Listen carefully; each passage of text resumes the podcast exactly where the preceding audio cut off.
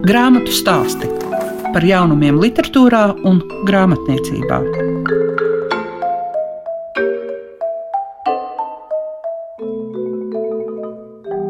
Teju, teju ir jaunais gads, un Pēdējo reizi šī gadā skan grāmatu stāsti.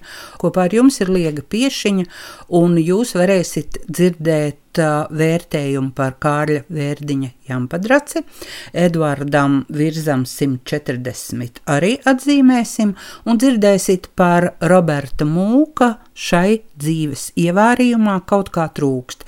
Tā ir jauna eseju grāmata. Grāmatu stāsti programmā Klasika. Sakot vissirsnīgāko paldies visiem tiem, gan kas klausās raidījumu, gan kas ir ar mieru vērtēt izlasīto. Vispirms rubrika vērtē lasītājs, un man ir patiesa prieks, ka tā ir jaunā paudze, kas raksturos grāmatu. Labdien! Mani sauc Paula, un es esmu izlasījusi grāmatu Kārlis Vērtiņš, Jandāliņš. Šī ir ceļoja grāmata. Tajā ir dažādi ceļoji, gari un īsi. Ir arī bēdīgi, un ir jautri un priecīgi. Man patika dažādi dzējoļi. Tie ir tādi mazliet tīvaināki no citiem, un sajūta, ka tos ir rakstījis bērns. Man ļoti patika trīs dzējoļu grupiņas blēņu stāsti - idille, ceļojums un asaras. Tie ir smieklīgi un jāti un reizē arī dīvaini. Otrais - ceļojums. Pamodās bēbis un apvilka pamperi. Iesēdās mašīnā, brauca uz tamperi. Nepaspēja aizbraukt uz tamperi. Tallinā nolauza mašīnai bumperi. Kā nu lai braucu tagad uz tamperi? Bēdājies bēbis ar pilnu bumperi. Tur ir dzēļoji par tēti, par mammu, par bērnu, kā tekalētājs. Tādi kā māmiņas dziesma dušā, tētis rakstītājs. Un vēl, ja tev ir pašam sava grāmata, te ir krāsains un melnbaltas bildes. Visas melnbaltās bildes var arī izkrāsot, tikai nekrāso bibliotēkas grāmatu. Šie dzīvojumi bija lieliski. Pirmo reizi, kad biju to paņēmusi no bibliotekas, un mēs ar māmu braucām uz Rīgu, es tos lasīju viņai priekšā, un viņa skaļi smējās, un es arī. Šie ir interesanti jebkurā vietā. Te bija jāsmējās par dažādām lietām, tādas kā čūriņa, bļodiņā, magona glāzītē, suliņa, vāzītē, tieši uz multenes krīt olu kultenis. Te ir dažādi smieklīgi dzējoļi un ir raksturots parastas ikdienas lietas. Dzējoļiem ir atskaņas. Grāmatu stāsti tiem, kam grāmatu lasīšana ir vērtība. Tā bija Paula, kas raksturoja Kārļa Vērdiņa jampadraci, un cerams, ka viņai atliks laika un būs vēlme darīt to arī ar citām grāmatām, bet tūlīt jūs varēsiet dzirdēt vēsturnieku Kārli Sīlu. Un jāsaka, ka tieši šodien, kad pirmo reizi skan grāmatu stāsti, tas ir 27. decembrī, Edvardam Virsam mēs atzīmējam 100 40. Un daudz viet jau ir notikuši pasākumi, kas ir veltīti šai mūsu leģendārai personībai, un arī Rakstniecības un mūzikas muzejā Tintnīcā notika Edvarda Virzes dzimšanas dienai veltīts pasākums Zināmais, nezināmais virza. Un tajā piedalījās arī vēsturnieks Kārlis Sils, un tūlīt grāmatu stāstos varēsiet dzirdēt fragmentu no šī sarīkojuma. Noteikti ir tā, ka mani virzām pieturināja mana disertācija, kuras ietvaros rakstu Ulmaņa režīmu. Un uh, viena no tādām ļoti amizantām, interesantām epizodēm Ulmaņa režīmā notiek 1937. gada pļaujas svētkos, kur ļoti iespējams Ulmaņa mēģina kronēt par zemnieku karali kā namēju mantinieku. Epizode nav saprotama bez šī tēla namējs, kurš tad arī iet tālāk uz karaļa namēģi, un tālāk iet tālāk uz Jāņa akuratera vēl karalis namēzis. Tēlu. Un līdz ar to es gribot vai negribot nonākt pie jautājuma, ka es nevaru saprast to, kas notiek Latvijā 30. gada beigās, bez padziļinātas iedziļināšanās Edvardā virzā. Jo Pēc tam, man, protams, viņš bija viens no, viens no personāžiem, kas parādās kaut kādos jautājumos, man viņš jāplūko, Bet šis man ir novedis pie jautājuma par to, ka es vairāk un vairāk arī sāku saprast, ka tos 30 gadu situāciju viena no līnijām, lai viņi saprastu, noteikti jāsaprot Edvards Virsa personību. Un šeit varbūt nedaudz aizejot no tā, kas viņa literārais mantojums, arī viņa darbība. Un liela daļa no šīs stāsta un tēmas stāsts, visticamākais, kas sākās Pirmā pasaules kara laikā. Tātad akurāta ar skalbi virzu un vēl virkni citu latviešu rakstnieku iesauc armijā kā kara propagandistus. Viņa uzdevums ir rakstīt poētisku kara propagandu, tāpēc mums ir ļoti skaisti šie kara tēlojumi. Un brīnišķīgs veids, kā mēs varam redzēt, kā viņu dienests, jeb šī kara propagandas daļa strādā, bija nesen domzīmē publicēts, bija akurāti ar šīs dienas grāmatas fantastisks materiāls, ko kāds lasīs. Tātad paņemts to, kā viņi ar virzu abi virzās cauri pirms Ziemassvētku kaujām. Ļoti, ļoti interesanti tajā ziņā, ka nu, tad Ziemassvētku kaujas, zinām, tūlīt gaidām, es teiktu, laikam viens lielākajiem fiasko militārajiem, kurus arī lielā mērā ievada ļoti augstās cerībās šo te rakstnieku poētiskie teksti par to, kā mēs ar varonību tūlīt sakausim vāciešus un tam līdzīgi. Un uh, tieši pirms šīm kaujām akurāt ar uh, virzu kopā Viņi dodas šādā ceļojumā, kur uzdevums ir radīt atkal šos kara tēlojumus, attēlot Ziemassvētku kaujas sagatavošanos un tam līdzīgi. Protams, ir šī diezgan radikāli atšķirīgā kara pieredze, kas ir vienkāršiem karavīram, kas bieži vien nāk no šiem bezzemnieku vai strādnieku ģimenēm. Un tad ir virsnieki, kuriem ir viena cita kara pieredze, kur piemēram ir Grīns, visur noteikti kā viens no jaunajiem virsniekiem. Un tad ir uh, rakstnieki, kuri šo karu izjūt kā diezgan lielu piedzīvojumu. Piemēram, vīrusu gadījumā arī karš ir, mēs skatāmies tieši uz tām liecībām, kas rakstīts kara laikā, cik kaut kas bija aizraujošs. Kāpēc? Tāpēc, ka, protams, ka viņš neiet karot frontē. Viņš aizbrauc tur, iztaigā ierakums. Viņus uzņem kā tādus rokzvaigznes ierakumos virsnieku šajās zemnīcās. Kāpēc? Tāpēc, ka viņi ir ļoti slaveni rakstnieki. Viņi ir iemīļoti, viņi zeļojas, lasa virsnieku, lasa arī viņu tēlojumus. Viņi iedzer tēju, viņi runā par literatūru, viņi pavadīja labu laiku. Tad viņiem dod iespēju vienu nakti pagulēt kopā ar karavīriem. Viņiem tas šķiet ļoti aizraujoši, bet tas laukā kaut kāds mīnus 10 grādi. Es pats esmu bijis šajos apstākļos. Tas nav nekas aizraujošs, sevišķi pāris dienas, kad uz dienas tā. Viņiem tas šķiet, protams, fantastiski. Viņiem netālu skan artērijas šāviņi. Viņiem šķiet ļoti aizraujoši, redz, cik interesanti karavīriem parasti tā nešķiet. Viņi dabū pastāvēt kaut kādas stundiņas, sardzes dienas, tā viņi to ļoti jausmīgi apraksta un tā tālāk. Tātad šeit ir šī pieredze. Kas šiem rakstniekiem daudziem šķiet kā kaut kas tāds, kas ļauj viņiem kaut kur atzimt, kaut kas ļoti aizraujošs, bet kas ir diezgan atraucs no tā, kas ir parasto karavīru pieredze. Un šeit nāk Ziemassvētku kaujas, kas ir milzīga, milzīga katastrofa, milzīga katastrofa cilvēku zaudējumu ziņā un demoralizē strēlniekus.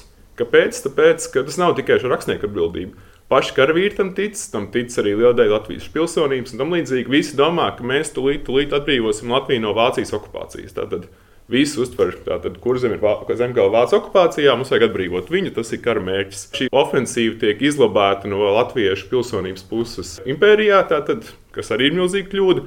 Viņi netiek labi sagatavota, šī drosme nepanāks tā. Un šeit veidojās tāda pēc 17. gada situācija, kur mums būtu jālasa arī jebkuri virsmas akurātēri un skalpas teksti, kad no vienas puses ir šie rakstnieki, kuriem šis karš šķita iespējams aizraujoša pieredze un viņi nespēja saprast, kāpēc nav šī patriotiskā deksme. Tad ir virsniecība un vēl daļa karot gatavot strēlnieki, kuri ir gatavi turpināt karu līdz zemgājas atbrīvošanai. Viņiem, protams, karš varbūt nešķiet nekas fantastisks, bet viņi ir gatavi to darīt. Un tad ir liela daļa strēlnieku, kas ir tā, vilšies pēc Ziemassvētku kaujām, ir absolūti demoralizēti. Un caur šo prizmu veidojās viss šī pēcrevolucionārā situācija, kas ir 17. gadsimta sākot jau februāra revolūcijas, nevis oktobra revolūcijas. Ir tā, ka virsmas noteikti 20. gadu otrajā pusē sāk pārskatīt arī skalbi un citas savas attieksmes. Sevišķi tāpēc, ka viņi saņem ļoti daudz kritikas par to, kāda arī ir viņu loma pirms šīs Ziemassvētku kaujām. Tāda situācija, kurā mēs to domājam, nu, viņiem arī jāņem vērā, ka nu, viņu darbs ir rakstīt poetisku kara propagandu, poetisku kara tēlojumus, sagatavot šo karu lasītājiem, kurš pēc tam veidot morāli, sagatavot, tāpēc viņus iesaukt armijā. Tāpēc viņas arī sargā no kara. Viņi ir vērtīgs kara materiāls. Nu. Es domāju, tur varētu uzrakstīt, es gan pats no disertācijās tam netikšu nekad, jo tas nav man tēma, bet noteikti uzrakstīt varētu fantastiskus rakstus vai varbūt pat grāmatu rakstniekiem karā un šo lomas izvērtējumu 17. gadā. Kas noteikti, jo tā vēl viena problēma tā, ka mums ļoti daudz vispār to tēlojumu no Pirmā pasaules kara nāk no šī poētiskā kara Mums šķiet, tas karš kaut kas poetisks. Viņš nav. Karš ir diezgan šausmīga lieta. Tur ir varonība, jā, tur ir uzdrīkstēšanās, jā, tur ir stāvēšana par vērtībām un varbūt sevis ziedošana, bet karā nav nekā poetiska. Grāmatu stāsti programmā Klasika. Šai dzīves ievērījumā kaut kā trūkst. Tā ir sacījis Roberts Mūks.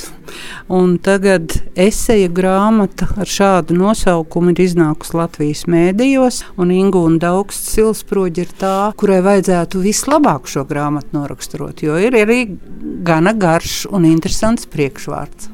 Izraudzītais nosaukums ir no Roberta Mūka dzējoļa. Nē, esmu atradusi, ka tas būtu bijis publicēts dzējos mašīnrakstā glabājas Rakstniecības un mūzikas muzejā, Roberta Mūka kolekcijā. Domājot par šo esēju krājumu, kas varētu būt arī tāds veltījums Robertam Mūkam viņa simtgadē, man šķita ļoti atbilstoši ņemt šo dzīvo rindu, jo dzīvoļam faktiski nav nosaukuma. Ir, nu, varētu teikt, ka pirmā rinda arī ir dzīvoļa nosaukums, jo tas ļoti precīzi šķiet raksturo pašu Robertu Mūku, viņa attieksme pret dzīvi, attiecības ar Dievu, ar tādām vērtībām, par kurām vajadzētu domāt, kas rosina domāt. Roberts Mūks ir zināms kā filozofs, kā dziļdomātājs, bet te pašā laikā viņš ir arī dzinieks.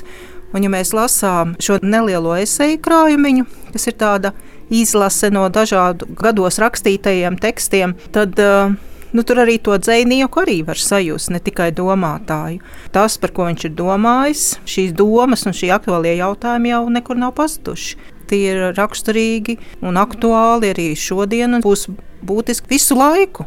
Galēnos ir Roberta Mūka muzejs, un jāsaka, ka man arī bija iespēja mm, tur pabūt salīdzinoši nesen, un tā pietāte, kas ir pret šo personību, kur muzejs atrodas Līvānu mājā, bet kur tik labi paši tie darbinieki spēja pamatot, kāpēc tieši tur var atrasties muzejs, kas liekas brīžam pat nepieņemam par to, ka vispār tādā mazā vietā ir šis muzejs.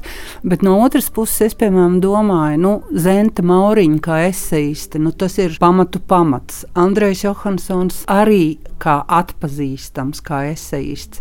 Bet kā ir ar Robertu Mūku? Jo man liekas, ka tā dzējošana un filozofēšana ir spēcīgāka par esejām. Es teiktu, ka tās ir vienlīdz spēcīgas, bet uh, es piekrītu, ka varbūt nepamanītāks. Lai gan jāteic, ka Latvijā ir izdots krietni daudz viņa grāmatu, dažādi kopojumi, arī viņa lielo filozofisko darbu tūkojumu, jo tos viņš ir rakstījis angļu valodā. Bet dzēju tikai latviešu. Bet dzēju viņš tiešām viņš pats arī ir atzinis, ka savus prātnieciskos, filozofiskos, reliģiskos šos tekstus viņš var rakstīt angļu valodā. Bet dzēju viņš var rakstīt tikai latviešu valodā.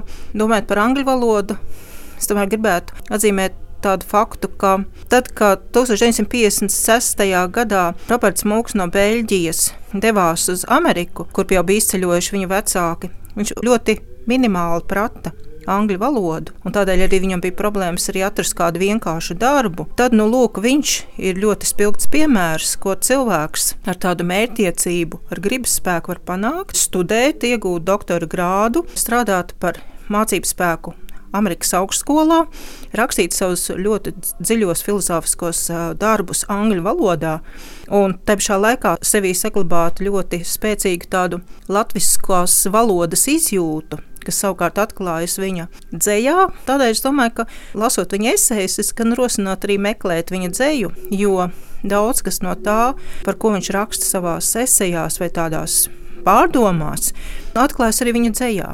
Un tā ir ļoti dziļa dzēja, ļoti dažādās situācijās arī ļoti personiska dzēja. Īpaši mēs runājam par atgriešanos, par latgali, par dzimto pusi. Tur parādās arī ne tikai tāds mūks domātājs, bet arī mūka tāda dziļā personība un arī tādā labā nozīmē sentiments. Saistībā ar literātiem šī jubileja atzīmēšana un vispār cilvēku pieminēšana. Šodien jau raidījumā varēja dzirdēt, kā vēsturnieks Kārlis Sils raksturo virzu, un kas liekas ļoti mūsdienīgi un interesanti. Mūkam pēdējās dienas ir 23. gads arī, kad viņam gada sākumā palika šie simt gadi, bet nevarētu teikt, ka tā ļoti, ļoti tika uzsvērta viņa nozīmība vai viņa jubileja. Jā, piekrītu. Tas man bieži ir arī raisījis pārdomas. Ir īpaši, ja mēs domājam par tiem cilvēkiem, kuriem ir sava nozīme, runājot Latvijas kultūras telpā. Jo Mūks jau tomēr no 1996. gada dzīvoja Latvijā. Viņš bija atgriezies. Bija, bija pasniedzējis kultūras, bija pasniedzējis kultūras akadēmijā. Tomēr arī bija sastopams dažādos kultūras notikumos, dažādos sarīkojumos. Un tomēr jā, ir šis simtgadus gads, kas faktiski noslēdzies tuliņ. Bet eh, no tā man šķiet ir tāda vispār tendence. Un, un arī manī rada šaubas un tādas bažas, kas ir tie notikumi, personības, kas ir tie procesi, ko mēs vispār atceramies un ko mums ir būtiski atcerēties. Nu, reizē man gan šķiet, ka mēs redzam tādā ļoti nelielā telpā ap sevi, skatāmies uz ļoti nesenu pagātni. Varbūt problēma jau ir arī runājot un domājot par daudziem citiem nosacīt, mēs varētu teikt, latviešu trimdas rakstniekiem. Tad, kad ir viņu kādas apaļās jubilejas, tās droši vien ir atsevišķas cilvēku iniciatīvas, ja kaut kas notiek un tiek sarīkots. Bet tādā plašākā kontekstā laikam nē, nu mēs laikam neizsludinām tos par kādiem noteiktiem gadiem Latvijas kultūras telpā. Un, nu jā, tās, tās ir tādas atsevišķas iniciatīvas. Tad par to ir faktiski skumji, jo, ja mēs par šiem cilvēkiem nerunājam, nu, tad arī viņi kļūst par pagātni, kurai Neaktīvu. neaktīvo pagātni, kur tiksim, viņu devums netiek analizēts, par to netiek runāts. Tādēļ man ļoti liels prieks ir par galēniem, par viņa dzimto pusi, par skolēniem, kur regulāri tiek rīkoti tādi jaunradas konkursi. Jā, šī līvā nēka, bet tā dzīvo. Tur ir cilvēki, kuriem ļoti rūp tas kas ir saistīts ar Robertu Mūku. Tādā ziņā var teikt, ka viņam ir paveicies, ka kaut vai tajā viņa dzimtajā pusē viņu vārdu atpazīst, zina.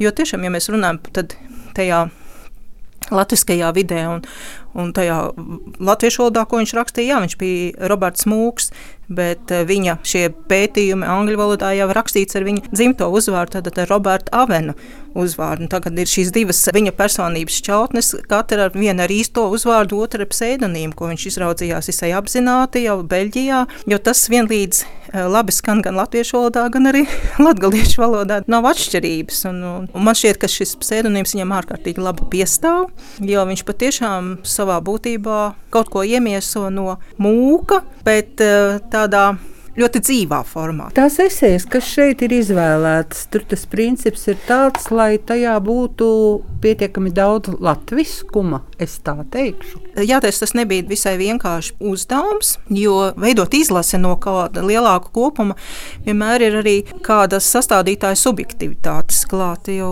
sastādītājs izvēlas mazliet arī pēc savas sajūtas, savas gaumas, pēc tā, kas viņu varbūt vairāk uzrunā. Bet, nu, es mēģināju sevi arī turēt tādos grožos, domāt arī mazliet tādās universālākās kategorijās, kas varētu uzrunāt arī citus. Jā, bet man bija arī svarīga tā latviskā līnija, tā latviskā, bet kas vienlaikus ir tāda ārpus nacionālām kategorijām, universāli savā ziņā. Un man gribējās arī šajā izlasē iekļaut tādus darbus, kas līdz šim nekad nebija parādījušies grāmatās. Tās ir publicētas eh, Latvijas trījus periodikā un faktiski pieder pie tādas agrīnās mūka eseistikas, ja tā varētu teikt, var, ja tās vairāk ir varbūt pat uzlūkojums ar tādām pārdomām. Varbūt viņš pat tās nesauktu īsti par esejām, jo tās jau viņš sāka rakstīt jau 49. gadā. Un tās ir publicētas periodikā, un šis ir tas viens posms, tad ir šī akadēmiskā izglītošanās un darbs Amerikas augstskolā, un pēc tam viņš atkal atgriezās pie šādu eseju vai pārdomu rakstīšanas. Un tādējādi šajā izlasē ir, ir dažādi laiki, un tur mēs varam redzēt, kas mainās tajā viņa skatījumā uz pasauli cilvēkiem, attiecībām ar Dievu, ar pagātni, ar pārdomām par to, kas ir cilvēks, kāpēc viņš dzīvo un kāpēc varbūt viņš ir tāds. Un tomēr var redzēt, ka ir krietni daudz kas, kas ir aktuāls bijis gan 50. gados, pagājušajā gadsimtā, gan arī šajā gadsimtā, jau faktiski rakstītājos tekstos. Un tādā ziņā es domāju, ka viņš ir ļoti interesants. Es ceru, ka šī grāmata atradīs savu lasītāju, lasītāju, kurš grib domāt līdzi, kuram ir savi iekšējie dialogi vai sarunas pašam ar sevi vai ar apkārtni, un ka kaut kādā mērā varbūt arī atkal izskanēs mūka vārds, un kāds no lasītājiem varbūt meklēs kaut ko vēl vairāk. Izskan grāmatu stāsti. Šīs dienas raidījumā jūs dzirdējāt vērtējumu par Kārļa Vērdiņa Jampadraci, atzīmējam Edvardam Virsam 140 un uzzinājāt par Roberta Mūka eseja grāmatu šai dzīves ievārījumā kaut kā trūkst. Atradīsim laiku lasīšanai un grāmatu vērtēšanai. Visu labu jums vēl Liega Piešiņa. Grāmatu stāsti par jaunumiem literatūrā un grāmatniecībā ik trešdienu, 9.5. ar atkārtojumu Svētdien, 18.15.